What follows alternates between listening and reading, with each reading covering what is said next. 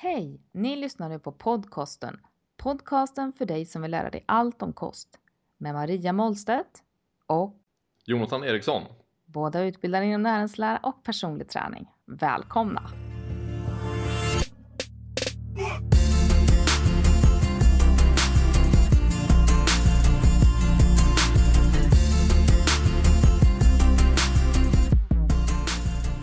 Okej, då är vi live. Då är vi igång. Ja, men då hälsar vi eh, lyssnarna välkomna till avsnitt 14 utav podcasten. Jajamensan. Allt bra med dig Jonathan? Det är alltid bra med mig. Mm. Lite snuvig om du ska vara ärlig va? Ja, jo men eh, jag vet inte, det stör mig inte så mycket. Det är mest att eh, man får liksom andas in med näsan till och från och sen är det under kontroll. Men eh, energin är på topp så att eh, det blir nog ett jävligt bra träningspass senare. Bara köra. Skulle jag säga. Marklyft sa du va? Ja, nej, idag blir det faktiskt överkropp men eh, jag ser fram emot markpasset. Som kommer här i veckan. Förstår det. Ja, det är en charm, charmig övning. Mm. Okej, Ja. då går vi in på um, reflektionerna som vi har haft då. ja, du hade en och eh, Therese har lämnat en. Mm. Eh, vill du börja? Ja, det kan jag göra. Min är ju i koppling till förra veckans avsnitt. Då vi pratade om LCHF. Lagom passande så släpptes ju en helt fantastiskt välgjord studie av eh, Dr. Kevin Hall. Vart eh, han i samarbete med NUSI, alltså Gary Tubes, eh, eller Gary Taube eller hur man nu uttalar det. Eh, hans institut och även NIH eh, gjorde då en riktigt, riktigt mäktig studie vart man hade extremt kontrollerade former, eh, mycket noggrann och vad man ville kolla på var om ketogen LCHF, alltså extremt strikt LCHF, var effektivare för fettminskning och viktnedgång än vanligt eh, klassiskt eh, kaloriunderskott med kolhydrater. Så man eh, såg till att liksom man mätte hur mycket fett de förbrände varje dag, hur mycket um, fett de också, alltså fett som de förbrände som energi och hur mycket fett de brände från kroppen. Det är två separata saker. Var de inom metabolisk kammare eller någonting då eller? Metabolisk kammare i en månad. Ja, då har man koll. det, är, det, är, det är ganska redigt. Det, det är inte saker man ser allt för ofta. Då det är förbannat dyrt. Men det man såg var att eh, en ketogen diet höll ingen som helst eh, fördel mot en, eh, ett vanligt underskott med kolhydrater. Så det var till och med så att den ketogena dieten var lite mindre effektiv på att eh, bränna fett i tidigare stadiet och sen verkar det komma ikapp. Det man såg var dock att man hade en viss ökad förbränning eh, med den ketogena dieten men också var så pass lite så att det var inte direkt signifikant. Men det ska bli grymt intressant att se när han släpper den här studien om två, tre veckor och har liksom all data som man kan läsa av det. För Just nu så är det bara han och eh, graferna som finns till, tillgängliga. Mm. Men eh, det verkar verkligen vara sista slaget eh, på spiken i kistan för insulinhypotesen. Att det är insulin som skulle driva fettlagring och att ta bort insulin att det skulle då leda till mer fettförbränning. För att man såg väldigt tydligt här att även om insulinet låg extremt lågt och man brände mycket fett som energi Mm. så släppte det inte mer fettväv från kroppen. Den här eh, tröttheten de upplevde i början, Mhm. eh, den relaterade säkert till ett minskat kolhydratsintag då, att man är ovan innan man ställer om till en. Ja precis, det tar ju ungefär sju dagar innan man Ja. blir ketogen när man tar bort kolhydraterna. Så eh, där, eh, ja, ingen som mår särskilt bra där men de var fullt keto liksom Mm. omställda till dag 10. Eh, Så att det är någonting som folk brukar peka på annars att det tar längre tid att bli helt omställd. Mm. Men efter dag, om det var, jag tror att det var dag 7 eller 10 så såg man ingen som helst eh, liksom, ökning i ketoner när man mätte det. Nej, okej. Så där var det klart. Mm, då var de klart, Ja. det var ingen mer förbättring där. Nej, det, det var extremt spännande. Jag förstår det. Han har tydligen en till studie som är på G ut som man också tror kommer vara extremt eh, uppskattad. Det ska bli mycket spännande. Jag hoppas att den är lika noggrant utförd då. Det är det alltid med Kevin. Han, eh, Kevin my boy. Han är Mhm. duktig, riktigt duktig. Okej. Ja. Ja, vad bra. Ja, men där har du en reflektion. Mm. Eh, Therese eh, lämnar en liten reflektion. Det, ja, det är väl en kombinerad fråga egentligen. Men det var inspiration till det här avsnittet, om inte annat. Så jag tänkte att vi Mm. läser den innan vi går in i avsnittet. Eh, hon skriver att hon gillar våran podd och lyssna på varje avsnitt. Det är ju alltid en bra inledning. Ehm, hon tackar eh, för en bra podd samt snabbt svar på min förra fråga. Nu har hon ytterligare en fundering. Det är så att eh, Therese här står inför valet av proteinpulver. Då jag ibland har svårt att komma upp i bra proteinnivåer på en dag. Jag tänker använda proteinpulvret när jag gör bland annat frukost och mellanmål som gröt eller chiapudding och så vidare. För att öka antalet gram protein i dessa måltider. Jag vill gärna använda ett protein som är så naturligt och snällt mot kroppen som möjligt och har varit inne på vegetabiliskt protein som ris, ärt eller hampa. Vad är era synpunkter på dessa för och nackdelar samt vad skulle ni rekommendera mig? Vad innebär egentligen isolat och vad är skillnaden mot koncentrat? Tack på förhand. Så med dagens avsnitt hoppas vi kunna svara på det mesta utav eh, Therese funderingar här va? Och kanske lite till. Mhm. Det tror jag nog vi kommer göra. För veckans ämne det är, eh, det är kosttillskott. Vem som faktiskt kan ha nytta av att komplettera sin kost med olika produkter eh, och i sådana fall vilka, men framförallt då varför. Eh, Vi kommer även prata lite, lite runt omkring om hur kosttillskotten marknadsförs idag om det finns några risker med att äta eller dricka de olika tillskotten. Mhm. Kosttillskott, det är ju ett eh, samlingsbegrepp för en rad olika kategorier av produkter. Så vi kommer inleda detta avsnitt med eh, frågan vad räknas som kosttillskott? Mm. Mhm.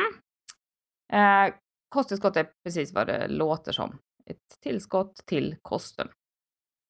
Kosttillskott är ett komplement som varken kan eller ämnar ersätta en balanserad och varierad kosthållning. Något som tillverkaren också vanligen uppger med en liten eh, du vet, kursiv eh, textrad på de olika förpackningarna. Ja. Kosttillskott är inte bara de produkter som säljs i särskilda atletbutiker eh, utan innefattar även delar av sortimentet på diverse apotek och i livsmedelsbutiker. Ja, det är galet att det börjar ta sig in mycket så proteinpulver och jag tror till och med jag hittar kreatin och betalanin på min Coop-butik bredvid mig. mm. Ja. Och även aminosyror. På ICA liksom. Ja, men hur, hur, hur gick det till? Ja, men det är ganska vanligt idag. Ja. Ja. Eh, och i inledningen så nämnde jag att det finns en rad olika kategorier av kosttillskott, eh, vilka vi nu ska återkomma till då. Eh, och vi har valt att börja med proteinpulver. Det måste vara det vanligaste, eller vad tror du? Kungen av kosttillskott. Kungen av kosttillskott. För den som redan äter en balanserad och varierad kosthållning, men av någon anledning då vill enskilt vill öka sitt proteinintag under dagen. Alternativt söker ett enkelt och kanske billigt mellanmål. Eh, Mm. Så kan ju ett proteinpulver komma på tal. Det kan ju vara aktuellt. Eh, Proteinpulver är som sagt relativt vanligt förekommande eh, och utbudet har väl knappast varit så stort som det är nu. Eh, så vilket proteinpulver ska man då välja? Mhm. Och vad skiljer de här olika sorterna åt? Det är inte alltid uppenbart. Vanligt är eh, exempelvis vassle. Vassleprotein det brukar stå whey. Eh, det framställs på mjölk och är ursprungligen en restprodukt från tillverkning av ost. Alltså inga konstigheter egentligen. Proteinet är fullvärdigt, det vill säga att det innehåller samtliga nio essentiella aminosyror i tillräckliga mängder. Eh, Men till skillnad från produkten eh, EAA och BCAA som vi pratade om i protein, proteinavsnittet eh, så innehåller vassleproteinet även icke-essentiella aminosyror. Eh, Vasselprotein är generellt ett väldigt prisvärt alternativ som snabbt tas upp i kroppen. Eh, Och förutom whey så kan vi vanligen utläsa en ändelse då i form av siffror på förpackningarna. Det har du säkert tänkt på Jonathan. Ja, det brukar ofta stå 80 eller 100 är väl det som är vanligast. 80, ja precis, 90 ser man inte så, så ofta, men 80 och 100. Eh, Mm. Och siffran deklarerar hur väl filtrerat det här proteinpulvret är. Och ju högre siffra, desto renare är pulvret. Mm. och den som är nogräknad med kalorierna eller söker ett särskilt lättsmält alternativ bör då välja en produkt med högre siffra. Men för de allra flesta så skulle jag säga att eh, Way 80 fungerar alldeles utmärkt. Ja, absolut. Eh, och när du säger renare så är det väl snarare renare på alltså en större del protein Ja, precis. jämfört med kolhydrater och fett. Så att, Det är inte så att det andra är smutsigt på något vis. nej, eh, det var bara det så att det, det är inte mer eller mindre damm i de olika. Så vitt jag vet. Men eh, Det är renare utifrån proteinmängden. precis, så att för de flesta så duger ju verkligen 80. Mm. Och jag kan säga att när jag själv handlar proteinpulver så köper jag oftast 80.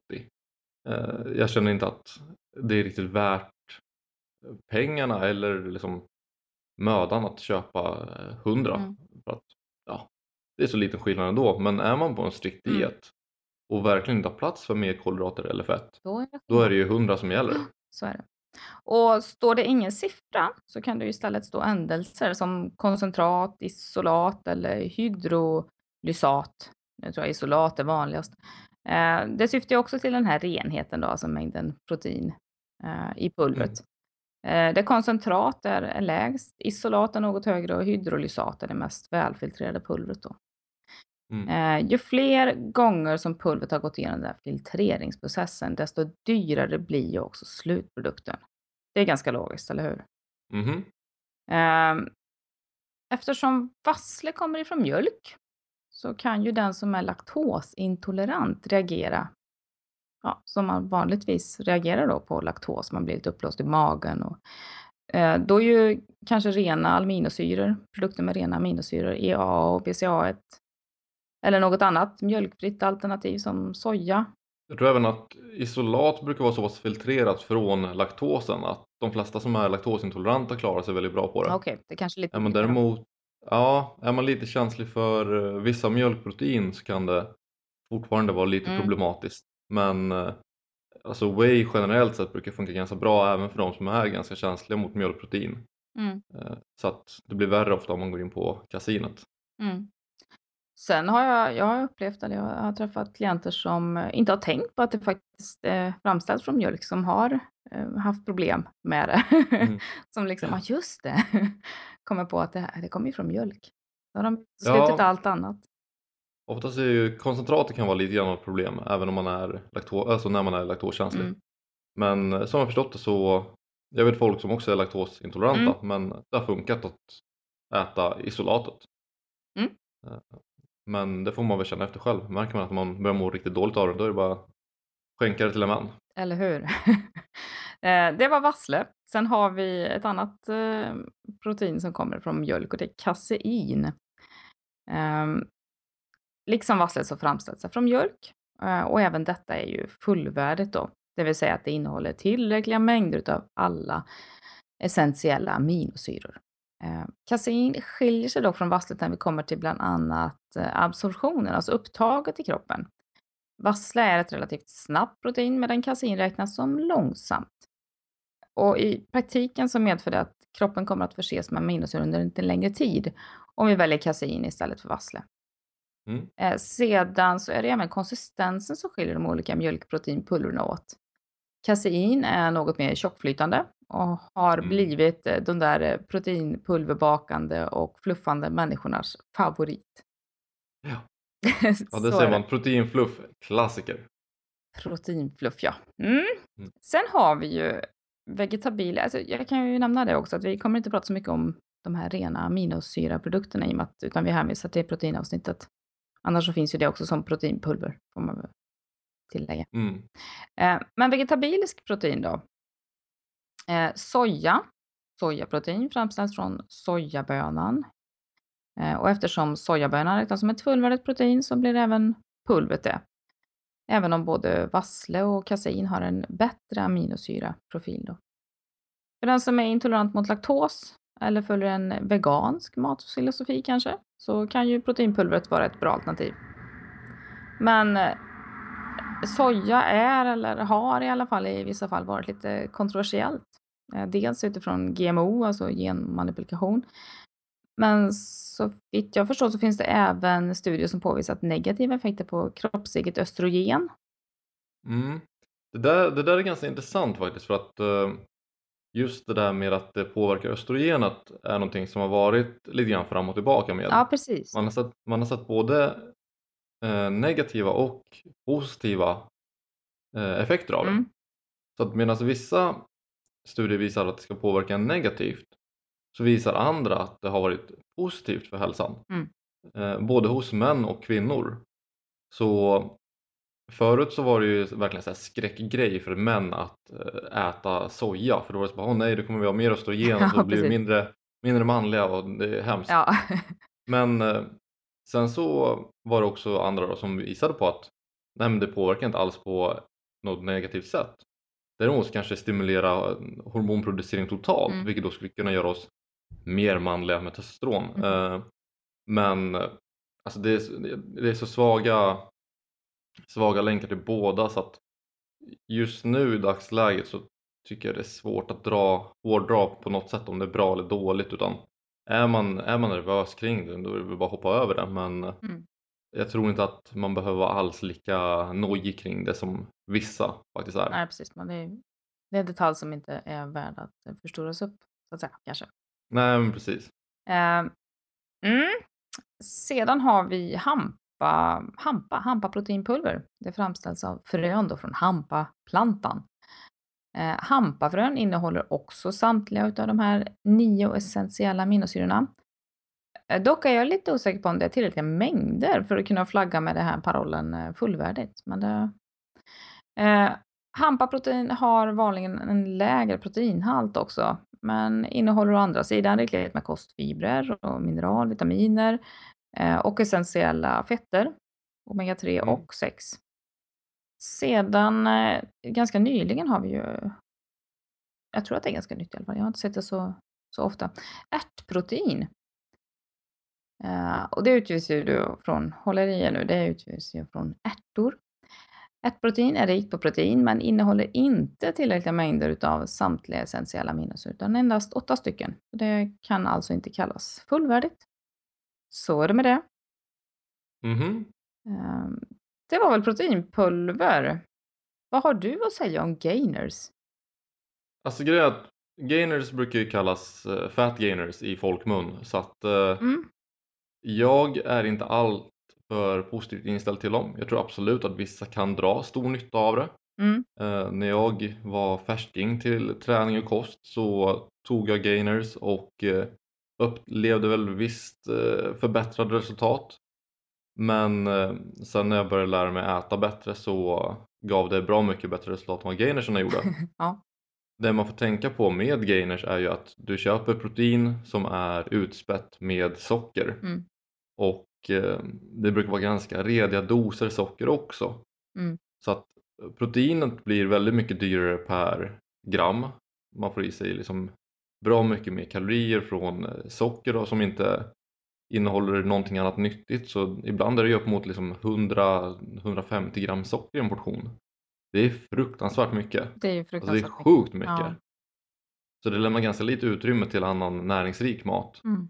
Eh, Men eh, har man en extremt stor, liksom, ett stort underskott, kommer inte upp i överskott, man kanske är eh, brutalt aktiv inom vi säger, byggbranschen eller något sånt på dagarna och sen vill man träna på kvällen och måste få i sig eh, tokiga mängder energi, då kan jag se att det kan göra nytta. Men annars skulle jag råda de flesta bara ta ett steg bort och Ät mat istället. ät mat istället. Ät mat eller proteinpulver och liksom lägg till någonting smaskigt till det. Man kan käka proteinpulver och blanda med Snickers liksom, så får du ut en Mm. smaskig gainer. Liksom. Mm. Ja, nej, jag har inget att tillägga. Jag håller väl med. Mm. Eh, vanligt är idag också att vi eh, konsumerar vitamin och mineral i form av kapslar. Som då kosttillskott. Det finns ju att köpa både på apotek och på, på de här atletbutikerna. Eh, mm, jag är lite sådär. ja, det är bra med det ena och det andra, men jag skulle nog hellre se att man äter mat först och främst. Det är ju som sagt ett tillskott i kosten eh, och ska inte ersätta det. Är du av någon annan? Jag, jag har lite så här äh, blandad, äh, blandad kärlek till det där. Eh, Jag älskar min multivitamin. Mm. Som jag, jag har tagit egentligen samma märke nu i jag tror sex år och sånt. Mm. Och ibland så får jag inte tag i den och då går jag utan och det, liksom, det känns bra men jag tror att det börjar bli mer en så här placebo-grej att det är en ren rutin. Mm. Grejen är att många, är, många dyra vitaminer framförallt och så här flashiga märken de har alldeles för höga nivåer av väldigt mycket. Och de som är väldigt billiga som du typ hittar i butiken de har normalt sett väldigt låga nivåer utav det mesta. Mm. Så att det är ganska svårt att hitta en välbalanserad vitamin. Ehm, och höga nivåer är ju väldigt, liksom, höga nivåer kan vara precis lika farligt som att ha låga nivåer. Precis så är det. Och så att då om man tar och liksom köper en dyr multivitamin som har 12 000 gånger eh, liksom, eh, rekommendationerna av någonting det är ju troligtvis större, liksom, större skada än vad det gör nytta. Mm. Men har man en kost som är väldigt fattig på frukt och grönt och man tar en välbalanserad multivitamin så kan det absolut funka som ett skyddsnät. Så liksom det är som att gå lite grann på en lina och sen faller du ner så träffar du i alla fall inte asfalten men det kommer fortfarande göra ont att landa på ett nät. Ja. Ehm, och där, där tror jag verkligen kan göra nytta, liksom att man faktiskt inte kommer på liksom några riktiga bottennivåer utan man håller uppe en hygglig profil. Det man får tänka på är att man går miste om eh, fytonäringsämnen och liksom sånt som man får i sig genom grönt. Ja, kostfibrer och, och så vidare och så Mm. vidare. Och dessutom så vet man inte vad det är man, man, eh, man får i sig. Alltså, du vet ju inte vad du saknar förmodligen utan du tar en multivitamin. Eh, Och för mig så är det som att försöka skjuta en älg med hagel liksom. Mm. Bara liksom slänger iväg någonting och så går det så går det liksom. Ja, jag, jag ser det mer som ett liksom, skyddsnät. Det är ganska schysst att ha i botten bara som inte hamnar lågt. Eh, Det är en av de sakerna jag faktiskt brukar rekommendera för de flesta och eh, att ta. Mm. Just för att det går att köpa ganska billiga bara så man får i sig lite så här bottennivåer av det. Och sen måste man ju få i sig resten genom en bra kost. Det går liksom inte att stödja upp en urusel kost genom att ta multivitamin och sen hoppas man på att allting ligger bra till. Men man har även sett att har man folk med urusel kost så mår de mindre dåligt när de faktiskt tar en multivitamin till det. Så att eh, det kan ju absolut eh, vara av nytta. Mm. Ja, men jag säger väl eh, kosta först och sen så är det så att man faktiskt har någon brist. Trots att man har eh, försökt att få upp det här på alla möjliga sätt så kan man väl ta just den vitaminen eller mineralen då. Exempelvis vitamin D eller vad det nu kan vara. Jo precis, D-vitamin är ju, alltså det är ju toppen. Man bör ta D-vitamin över hela vinterhalvåret. Eh, Det finns liksom, det finns alldeles för mycket stöd för att man ska ta det för att inte göra det tycker jag. Mm. Eh, Och sen samma sak, vissa har ju problem med järn och det är ju lätt att kolla upp liksom hos läkaren i sådana fall om Mm. det är så att man ligger på bristnivåer där. Absolut.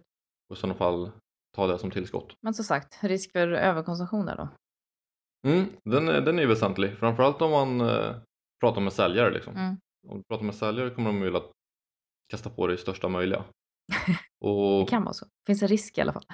ja, det finns en stor risk. Och eh, samma sak när man handlar till exempel multivitaminer eller vitaminer och mineraler i butik.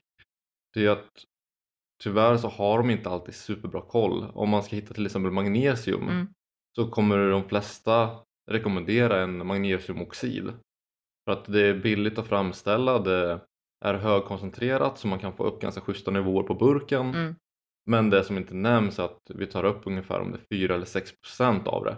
Så det är extremt svårupptagligt Precis. så att det gör nästan ingen nytta. Intag är inte Och- samma sak som, som upptag. Upptag, nej. Precis. Och där så vet jag att det finns vissa som släpper så här om de kallar det typ så här, supermagnesium som de binder till någon ört eller någon annan vitamin och så. Mm. Som eh, ser asflashigt ut, det kostar mycket så man tänker att det här måste vara bra. Så är det fortfarande magnesiumoxid så att eh, kroppen drar inte nytta av det. Utan man får leta efter kelat eller någon annan form av magnesium i sådana fall om man vill ta det extra. Rackarns lurigt. Mhm. Mm. Ett annat populärt som, som kanske du och jag ofta brukar få frågor om är ju så kallade fat burners. Håller du med mig om Mhm. det? Ja, tyvärr. Eh, jag minns inte alls vilket avsnitt vi pratade om, eh, om dessa i. Minns du det? Nej, det kan ha varit fettförbränning kanske skulle ju vara rimligt. Kan ha Men jag varit vet inte, det kanske nämnt någon annanstans Nej, det också. var säkert det. Eh, men där sågar vi väl eh, dem mer eller mindre. Mm, Fotknölsnivå. tycker jag vi kan fortsätta göra. Vi fortsätter med det. Ja. Alltså fat burners överhuvudtaget är ju, för er som inte har hört det avsnittet, det är ett av de kosttillskott som eh, får folk eh, ja, fast i dopingtester i idrott. Det är ofta de som för folk till sjukhus och gör att folk mår dåligt. Så att eh, det finns i stort sett ett flertal risker med minimalt antal fördelar. Mm. Det finns ingen fatburner som funkar bra eh, om de funkar överhuvudtaget. Men det finns ja, som sagt hälsorisker med det så att det är bara att hålla sig långt borta från fatburners. Mm. Ja, det, ja, jag har inget att tillägga där. Omegafetter har vi också. Det är ju ganska Mm. så vanligt att man konsumerar omega-3 då framför allt. Omega-6 är det, får de flesta i sig eh, stora doser utav via kosten. Eh, Mm. Men omega, omega-3-tabletter eh, konsumeras ju idogt. Är det någonting som du också använder? Jag använder det eh, sporadiskt, jag är ganska dålig på att ta mina tabletter om jag ska vara helt ärlig. Eh, men omegafetter har ju visat att de har extremt, alltså omega-3 då, Mm. visat att de har extremt mycket intressanta fördelar och även på ganska udda saker. Förut så pratade man bara om omega-3 i koppling till hjärt och kärlsjukdomar. Men på senaste tid så har man sett att det har mycket, mycket fler effekter. Mm. Det kan till exempel dämpa ADHD hos barn i vissa fall. Eh, Det kan vara lika effektivt som vissa antidepressiva i också vissa specifika depressionsfall. Så att där när jag säger det, är det så att du tar eh, liksom, antidepressiv medicin, gå för all del inte av det och börja hoppas på att det funkar med omega-3. Däremot kan det vara värt att kanske ta omega-3 till, prata med läkaren och se om man ser någon förbättring och så.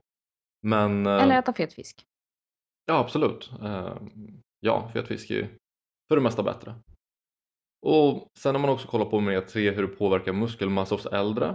Eh, Äldre som äter lite större dosering av omega-3 har man sett har lättare att bevara muskelmassa och bygga muskelmassa. Man trodde då ett tag att det kanske kunde vara likadant för yngre.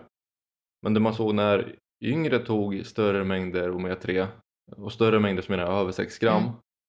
så märkte man att det, det hjälpte dem inte alls att bygga extra muskelmassa utan om någonting så försvårade det lite, alltså extremt lite eh, med byggandet.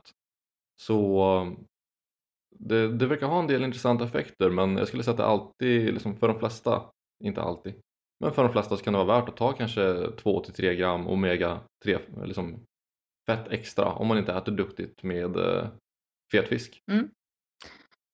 Eh, Men precis som vitaminer och mineral så handlar det om balanser i kroppen. Mm. Och det är ju ett ratio mellan omega-3 och omega-6 som ska vara uppfyllt för att eh, gynna oss då.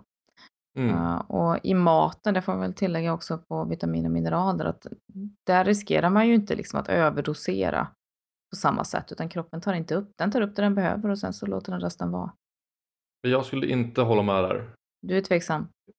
Jag är tveksam just för, just för att det finns de fall när faktiskt folk har överdoserat vissa vitaminer. Men det måste ju vara ex- alltså, alltså genom mat, det måste vara extremt att äta så mycket. Ext, extremt sällan är det. Mm. Men till exempel, jag vet när folk åkte till Nordpolen i början. Folk åt då eh, isbjörnslever. Det var inte alls bra för de dog i vitamin A-förgiftning, jag för mig det var. Mm. Eh, för de, var, de har extremt koncentrerade nivåer av vitamin Ja, A i sina, sin lever. Ja. Så hundarna äter inte, eller liksom, de åt inte. Nej. Men människorna som åt det, de, ja, de blev illa däran så att säga. Mm. Ja. Mm. Men normalt så går det ju inte att överdosera. Alltså det går ju inte att leva på lever. Det är väl ingen som gör det. Nej, du, jag tror inte du kan köpa isbjörnslever på Ica heller. vilket är Skulle det vara specifikt för isbjörnen alltså?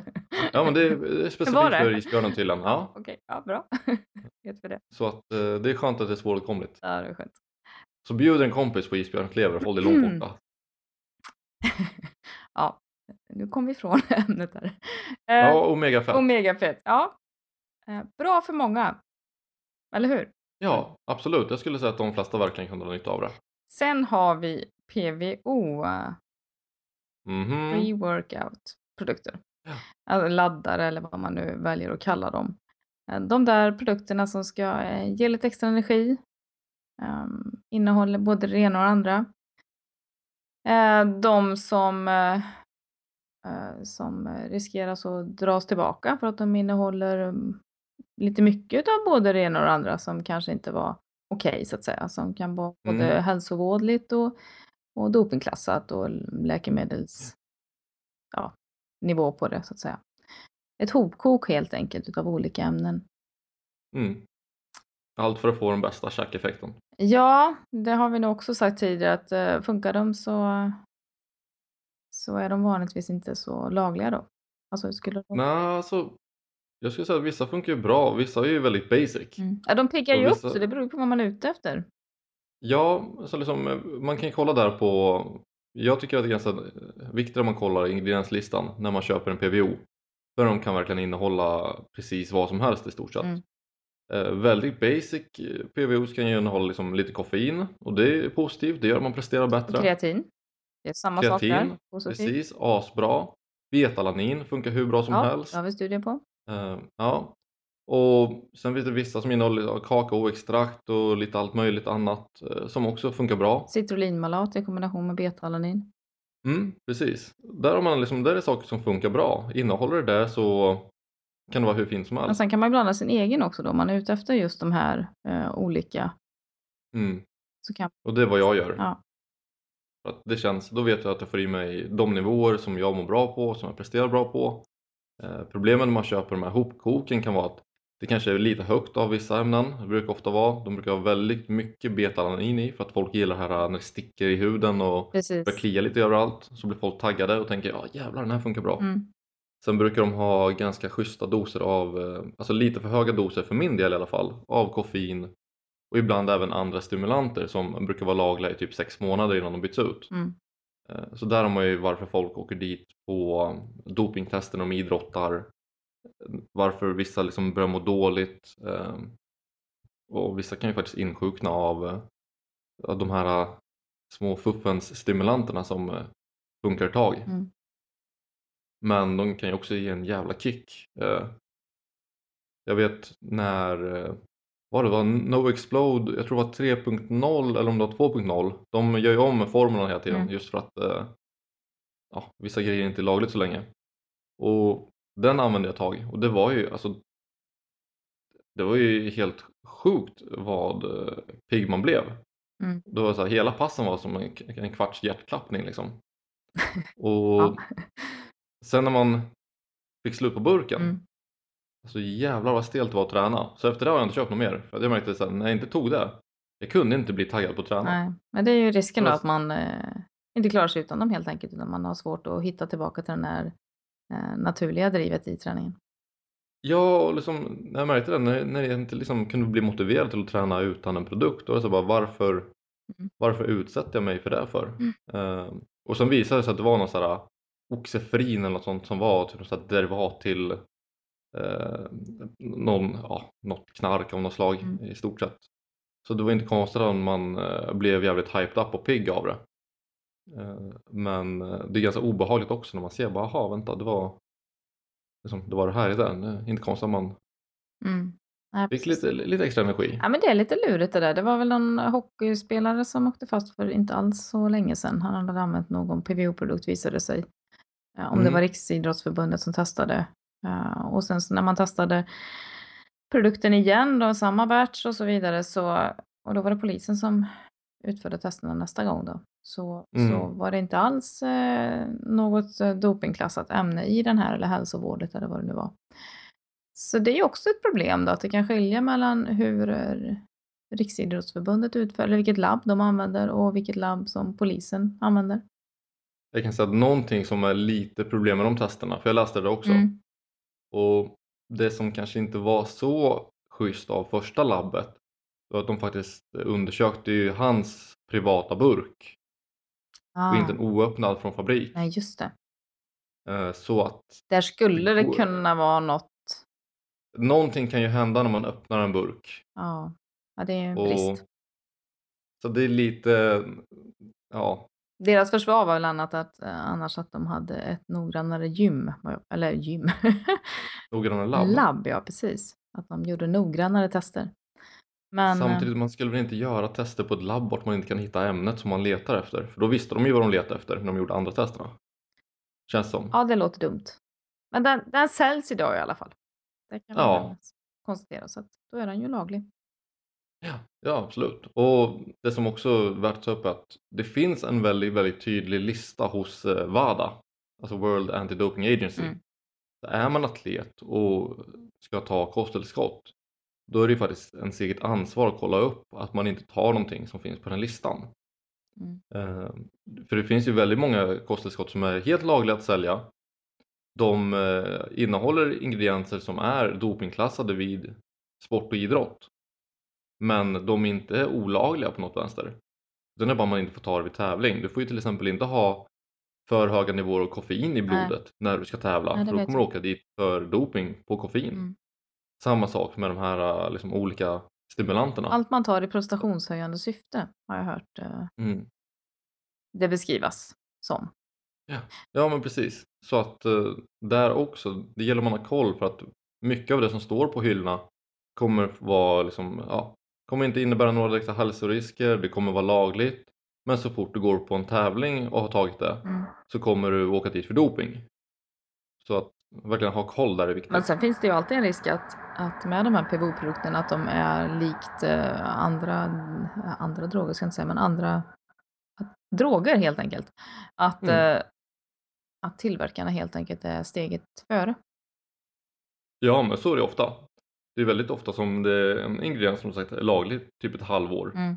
Eh, Vi hade ju ett tag när allting skulle innehålla geranium och den hade ju liksom, geranium har ju bannat i Nya Zeeland som partydrog i ja, säkert mot 10 år nu. Mm. Men eh, utmärkt att bara slänga ner i pre-workout för att det var ett jävla tjacktryck och sen eh, liksom, ja, sen blev det avstängt efter ett halvår. Sen var det inte att sälja mer. Eh, det var väl, vad hette den här? Det var någon som alla tog. Först var det Jack 3D som alla tog. Ja, den är ju var- borta nu från hyllorna. Precis, det var ju något så här tjackigt. Men sen var det en som var ännu värre än den. Eh, som Craze hette den. Mm. Som alla blev helt tokiga i för att den innehöll typ allting som var liksom på gränsen till olagligt. Mm. Och jag vet när de sa att den skulle börja tas bort. Folk köpte ju på sig stora lager av den.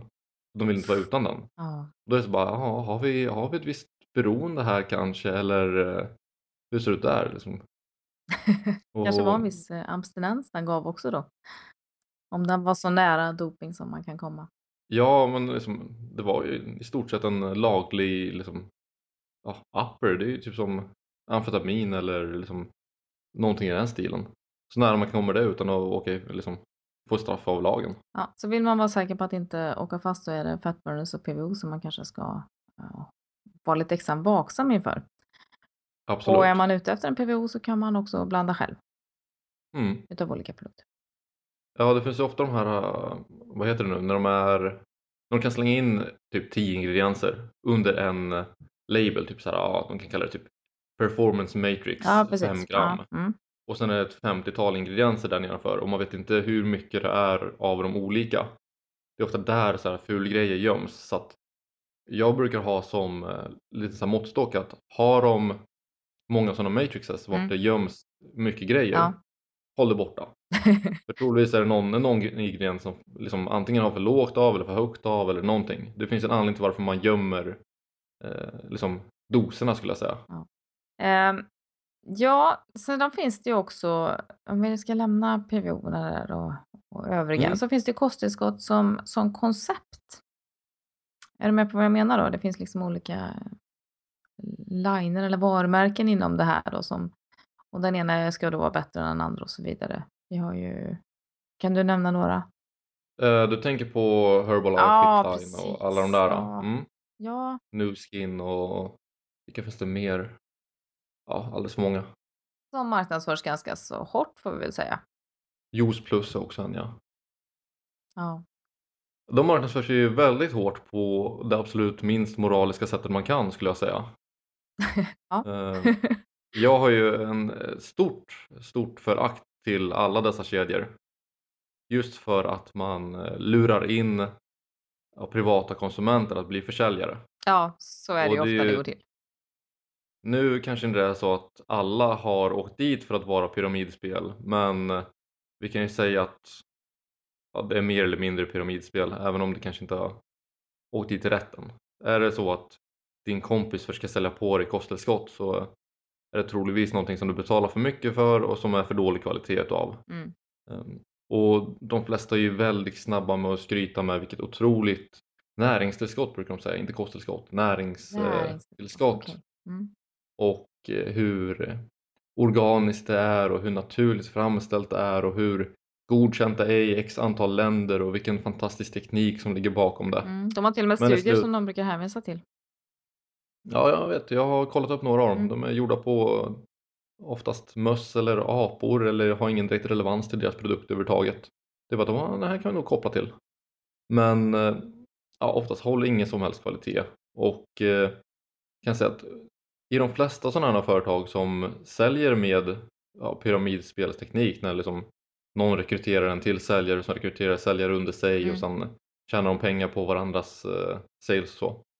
90% av alla som är delaktiga i sån här eh, verksamhet förlorar pengar på det.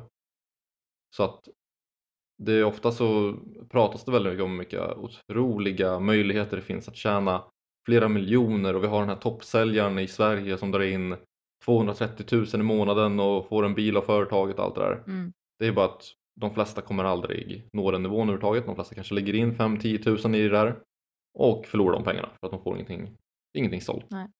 Och får, får för lite för det. Så de dissar vi Så att, allihopa Ja. över en kant. håll er långt ifrån dem.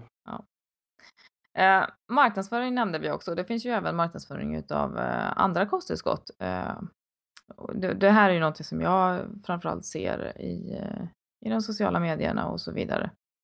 Mhm. Inte helt ovanligt då i samband med sponsring och, och tävling utav atleter. Eh, jag har också själv tidigare varit sponsrad och vet hur det där funkar. Ehm, ja, man får vara medveten om att det är en form av eh, sponsring helt enkelt. Så man är lite selektiv i sin, eh, sin eh, ja, bedömning utav olika produkter och vad man tror på och så vidare och så vidare. Mm. Som med allt på, på nätet. Ja, ofta är det ganska tydligt om någon faktiskt är sponsrad. Om det står typ en shaker med en viss logga i varenda bild som ligger ute. Mm. Då kan det vara så kanske att det ligger en liten spons där. Eller om det inte finns en bild utan till exempel en Celsius i handen är någonting man ser väldigt ofta nu. Man får ju till och med, man får Så- hoppas i alla fall att de är sponsrade så att de inte gör det gratis. Ja, jo så är det absolut. Om vi ska vända på det. Så får hoppas att de Ja, har ett jo. riktigt bra sponsringsavtal. Så att de inte håller på och gör allt det där med, trycker upp en Celsiusburk i nyllet på kameran liksom. Precis, de kanske får ett flak i månaden eller någonting. ja, Nej, så att ju- just sponsen är ju ja, ofta väldigt tydlig och, då får man ju vara lite skeptisk som sagt till exakt hur bra produkten är som det påstås. Ja. så var lite källkritisk där. Mm. Eh, kosttillskott och hälsa har vi pratat om i var och varannan rad här. Det finns eh, nytta, det finns eh, lite eh, orosmoln inför olika Mm. produkter. Ehm, det ena kan vara bättre än det andra, och, men framförallt så är det ju individuellt då. Mm. Och vad man är ute efter. Man måste inte använda kosttillskott för att få resultat. Vill jag Nej. hävda. Nej, absolut. Alltså kosttillskott, vad kan, om man har en, vi säger, en perfekt kosttillskottsrutin till sin perfekta kostrutin. Jag är tveksam på om den skulle lägga till mellan 3 till 5 extra liksom, procent gains per år om man säger Mm. så. Men samtidigt om man kan få ut 2 till 5 procent så är det jäkligt bra extra när man redan ligger på topp. Absolut. Däremot lägger man till kosttillskott till en eh, väldigt, väldigt torftig eh, kost och träningsrutin så behöver det ju inte göra så mycket nytta direkt. Nej. Däremot så finns de ju där att nyttja om man till exempel behöver strukturera upp en eh, lite halvtrasig idé. Till exempel får man inte i sig till mycket protein då kommer proteinpulver att göra väldigt stor skillnad. Absolut. Eh, Det är en av de som är absolut liksom, störst skillnad. Och det är ju ett billigt sätt att få upp eh, proteinet då. Så det är ju Absolut. för alla. Samma sak med kreatin är också billigt. Det funkar asbra. Mm. Betalanin också ingen större kostnad. Absolut inte. Och funkar liksom bra om man gillar att hålla på med högreps. Så det finns ju mycket som man kan dra, dra nytta av och är man seriös kring sin träning och prestation så tycker jag man borde försöka dra, dra så mycket nytta av de grejer man kan som bara möjligt. Sen finns det ju undantag också. Gravida och ammande brukar ju varnas för både det ena och det andra och kosttillskott är väl generellt sett sånt som man avråder ifrån också. Mm, absolut, det är kanske inte är rätt tid, tid och punkt. Och, Nej, spara det. ja. Däremot när det kommer till kosttillskott och hälsa så skulle jag också vilja passa på att nämna vitlök eller vitlökstabletter. Ja. Det är någonting som gör att man luktar konstigt i munnen men det är jäkligt bra för väldigt ja, mycket. fast luktar du verkligen konstigt utav eh, kapslarna så att säga? Ja, Det också, ja. ja. Jag vet inte om det går att frysa dem eller ta dem med mat eller någonting för att eh, få bort det men jag vet folk som har tagit dem som man upplever ganska stark vitlöksfeeling kring så att säga. Mm. Men eh, också bra för att dra ner på sjukdagar. Folk som äter liksom vitlök eh, varje dag året om har generellt sett färre sjukdagar än folk som inte gör det. Eh, också bra för blodvärden och liksom så. så att det är någonting som eh, om man vill förbättra på hälsan är ett av få kosttillskott som jag skulle säga kan vara värt att eh, verkligen kolla in i. Skrämmer bort fästingar gör det också. Ja men det ser där, Mm. de är ju sköna. Och vampyrer. ja, just det. Men, eh, och sen även echinacea, Mm. tror du det uttalas så va? Det är också någonting som är en, ett av få kosttillskott som faktiskt kan påskynda eh, och dra ner på förkylningstid när man väl är förkyld. Mm. Så de två är eh, riktigt, riktigt bra. Ja. Eh, det var väl det. Vi har gått in på både det ena och det andra och lite kostråd och så vidare. Mm. Eh, ska vi gå in på veckans fråga? Jag, vet inte, jag kom på att vi har inte pratat någonting om test och boosters som ändå är ganska vanligt förekommande. Ja, men det har du rätt i. Och där kan vi säga att är du under 40 så behöver du inte tänka på det riktigt. Eh, för att vissa av dem kan kanske funka när man kommer upp lite grann i ålder. Men som en ung tupp så gör det liksom ingen skillnad. Utan det är mer liksom pengar i sjön. Och där finns det ju liksom, vad är det, det är DAA, sen är det liksom eh, Tribulus i de vanligaste. Mm. Och eh, Tribulus är ju ytterst tveksam eh, hur bra den funkar även över 40. Det finns lite grann kring DAA som ser ut att det skulle funka väldigt bra. Men eh, även där så är det så pass lite som finns bakom det så att det är väldigt osäkert. Och jag kan säga att jag testade en test och booster från T-nation när jag var, var jag kanske runt 19-20 eller någonting. Och ja, det gjorde ingenting. Det som var lite obehagligt var ju att när jag nu för några år sedan kollade på tillskott som har blivit bannade på grund av att de har innehållit eh, saker de inte ska innehålla Mm så innehöll ju den typ, vad var det, så här, fyra eller fem olika så här, potensmediciner och eh, liksom också som inte funkar så bra på någon som var ung Nej. men som troligtvis hade funkat jättebra för någon som var äldre. Men det känns ju sådär om man liksom gått runt som ung 20-åring och liksom pumpat i sig massa jävla potensmediciner varje dag. I den åldern så är det inte någonting som krävs riktigt. Nej. Men eh, så att liksom man ska vara lite vaksam även liksom kanske på testboosters och sånt beroende på vad de faktiskt innehåller. Det var ju ingenting som stod alls på förpackningen. Det stod att det skulle vara lite tribulus och typ någon mineral.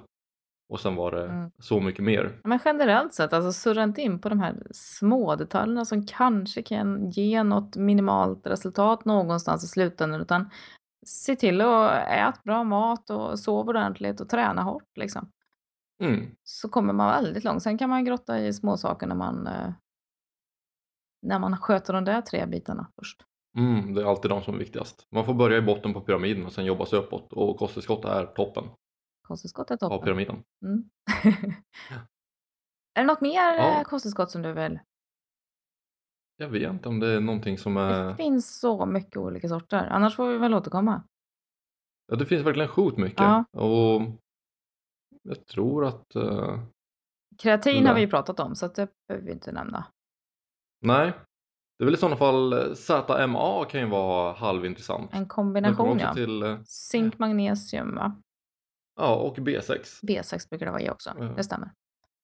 Och det ska ju också vara testosteronökande då. Men det tror jag egentligen bara är om man ligger lågt i zink från början. Och förbättra nattsömn. Ja, man sover så fantastiskt bra på det. Mm. Eller vissa sover fantastiskt bra. Jag sover som en klubbad säl när jag tagit det. Vilket jag tycker kan vara asskönt ibland. Eh, däremot så upplever jag vissa att de vaknar groggy just för att de sover, liksom, jag vet inte om det blir för djupt. Att de, ja, det blir jobbigt att vakna just för att man är så pass eh, däckad egentligen. Men det är ju det är bara lite vitaminer och mineraler och eh, kan funka bra. Så att, eh, det, det är någonting som jag faktiskt tar i mellanåt. Nu har jag inte gjort det på ett bra tag men eh, det står i skafferiet ibland. Mm. Mm. Det, är väl, det är väl egentligen det sista som jag kan tänka mig att... Ja, men det är väl det då. Då, då, då går vi in på veckans fråga. Yes! Det är Momo som frågar, som hon kallar sig. Jag har under det senaste halvåret gått ner 13 kilo. Heja dig! Well done! Med kost och promenader. Sedan några veckor har jag börjat träna. Så bra. Lätt styrketräning och gympass. Nej, gympapass står det faktiskt i hemmet. Jag har 8 kilo kvar till min målvikt och jag undrar över era bästa till vad tips vad gäller att behålla vikten efter en stor viktnedgång. Mm. Mhm. Hur tänker man kring onyttigheter? Frågetecken. Inte definierat dock. Hur balanserar man upp till en normal kost utan att få dåligt samvete för att man inte äter bara kvarg till frukost? Ja, det ska man ju inte äta. Nej. Och hur ska jag undvika att bli överviktig om jag blir gravid igen? Jag har två barn och är över 30 år. Eh, Jag vill verkligen fortsätta träna och inte gå upp all vikt igen. Min övervikt var inte mamma-kilon, utan övervikt jag alltid haft. Båda mina tidigare graviditeter har jag gått upp 9 till 11 kilo. Alltså det en graviditet normalt kräver. Mm. Mhm. Det var Momos fråga. Lite oro här inför att eh, dra på sig de där kilorna igen. Ja. Ja, och nej, du ska absolut inte bara behöva äta kvarg till frukost resten av livet. Det är ju Nej, fy fan vad tråkigt. skittråkigt och näringsfattigt och det finns så mycket bättre alternativ. Mhm. Ehm. Ja, Momo har ju en utmaning här. Vi har ju pratat väldigt mycket om eh, just det här med problemen med kaloriräkning. Eh, och då nämnde vi väl också hur, hur svårt det faktiskt är. Att kroppen strävar ju tillbaka till den här övervikten som hon alltid har haft då i sina 30 Mm. år. Och när vi blir gravida så ökar ju hungern normalt sett. Ja. Och så går man upp igen då. Nu nämner hon ju dock att hennes båda tidigare graviditeter, så hon, hon har gått upp normalt så att säga. Det finns ju de som är överviktiga som kanske inte går upp knappt någonting alls då, utan kroppen tar liksom på resurserna där. Det som finns ja. Ja. Det är ganska stora frågor som Momo ställer här. Eh, fortsätt träna. Eh, se till så att du äter bra mat. Alltså bra val hela tiden. Och då menar jag inte bara kvarg. Utan jag menar både grönt och kolhydrater, protein och fett. I Mm. tillräckliga mängder så att du orkar med din träning och din vardag. Men undvik överkonsumtion. Onyttigheter, ja men det är ju inte allt eller inget utan onyttigheter kan man väl spara till, till lördag kväll då kanske.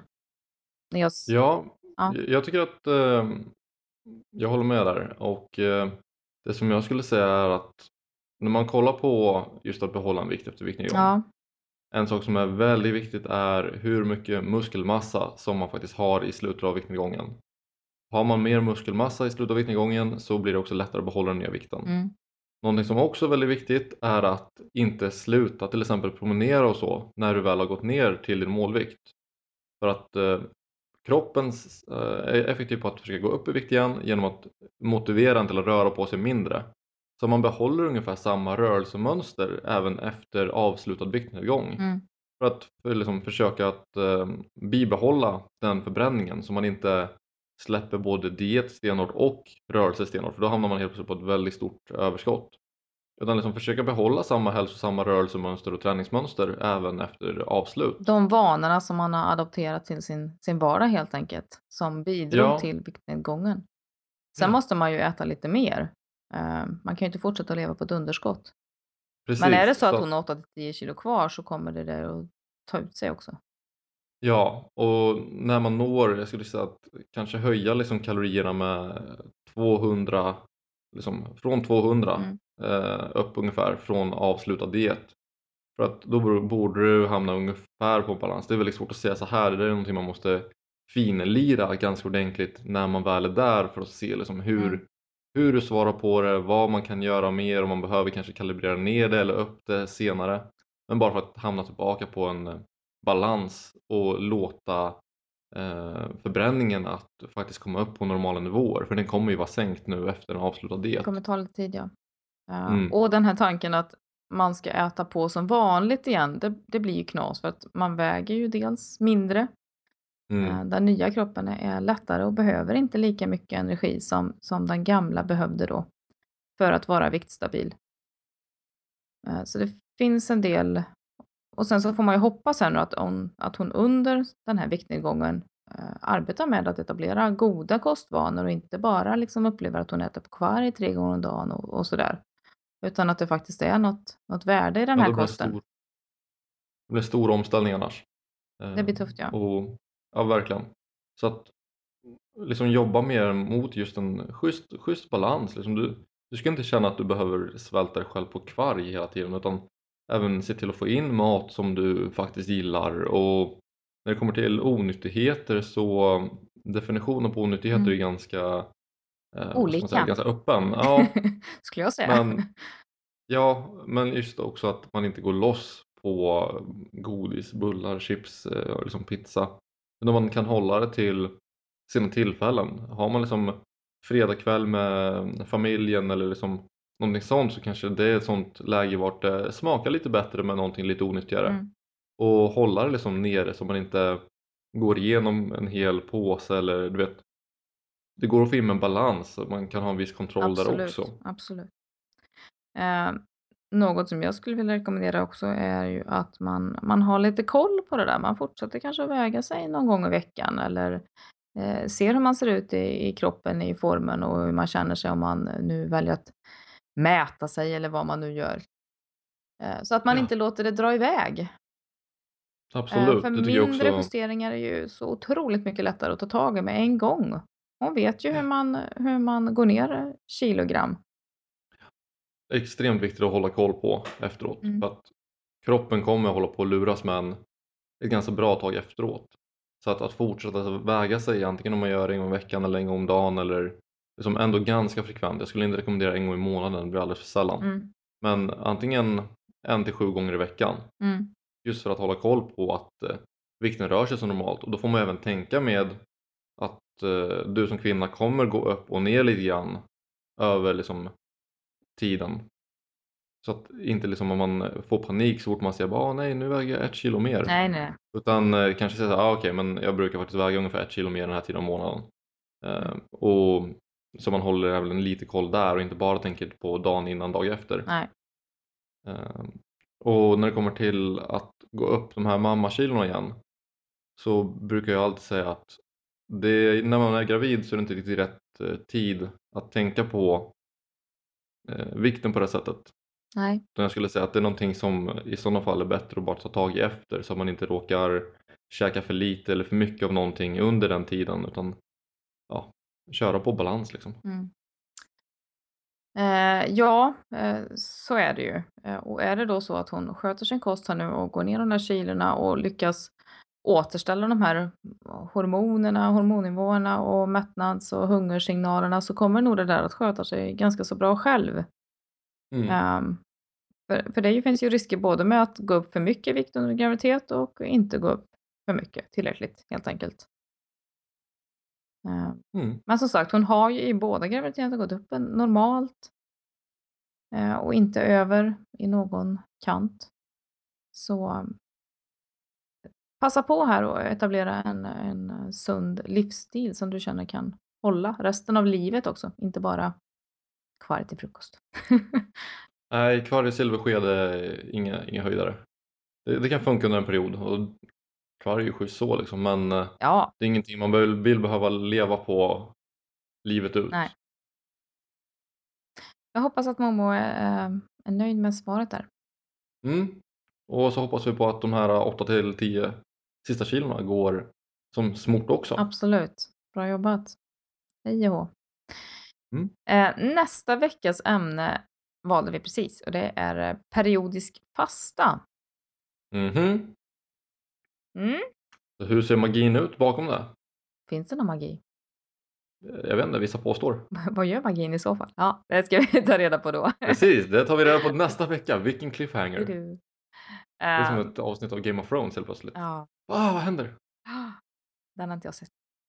Nej, inte ett oss. jag, jag har inte vågat kolla på det senaste än och jag väntar tills eh, hela säsongen är ute. Mhm, du är en Ja. sån.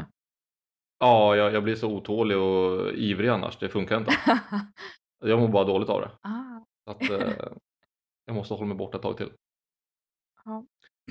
Okej, men eh, då så kan vi uppmana alla att eh, gilla oss på Facebook om ni inte gjort det. För där eh, vi delar med oss av lite saker som är the top new stuff inom kost. Och det finns också lite diskussioner. Vi vill jättegärna höra hur det kommer sig att du lyssnar på vår podd. Du har fått eh, liksom, dra nytta av den och om det är så att du tycker att vi kan göra någonting bättre eller om du har ett ämne till oss kanske till och med som du tycker att vi borde prata om. Eh, Allting sånt är lättast att göra på, på fejan helt På enkelt. Facebook. Podcasten söker man upp där så hittar man oss. Det är en Mhm. öppen grupp så det är bara att hoppa på. Och annars så vill vi också rekommendera våra egna specifika hemsidor till våra lyssnare. Min är jonathaneriksson.se och Marias är renstyrka.se.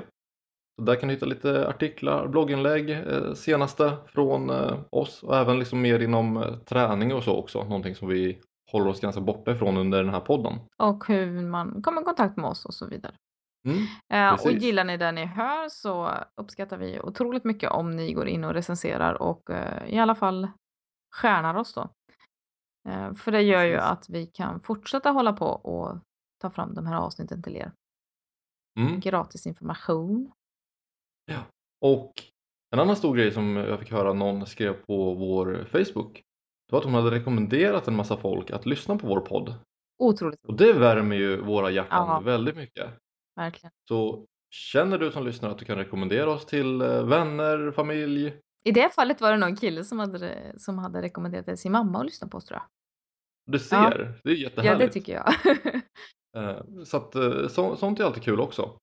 Och har du rekommenderat oss till någon, berätta gärna det. För det, som sagt, det är jättekul för oss att veta att eh, det sker och att du har gjort det. Liksom. Det är alltid uppskattat. Bra. Då, får du, eh, då rundar vi av det här Jonathan och sen så får du ha en toppen fin dag där uppe. Ja, och jag önskar också en eh, mycket trevlig och fin dag till alla er lyssnare som sitter och lyssnar på det här just nu. Absolut. Så tar vi och checkar ut och hörs nästa vecka. Det gör vi. Ha det gott. Ha det bra, Hej, hej hej. Ni har nu lyssnat klart på podcasten. Podcasten för dig som vill lära allt om kost.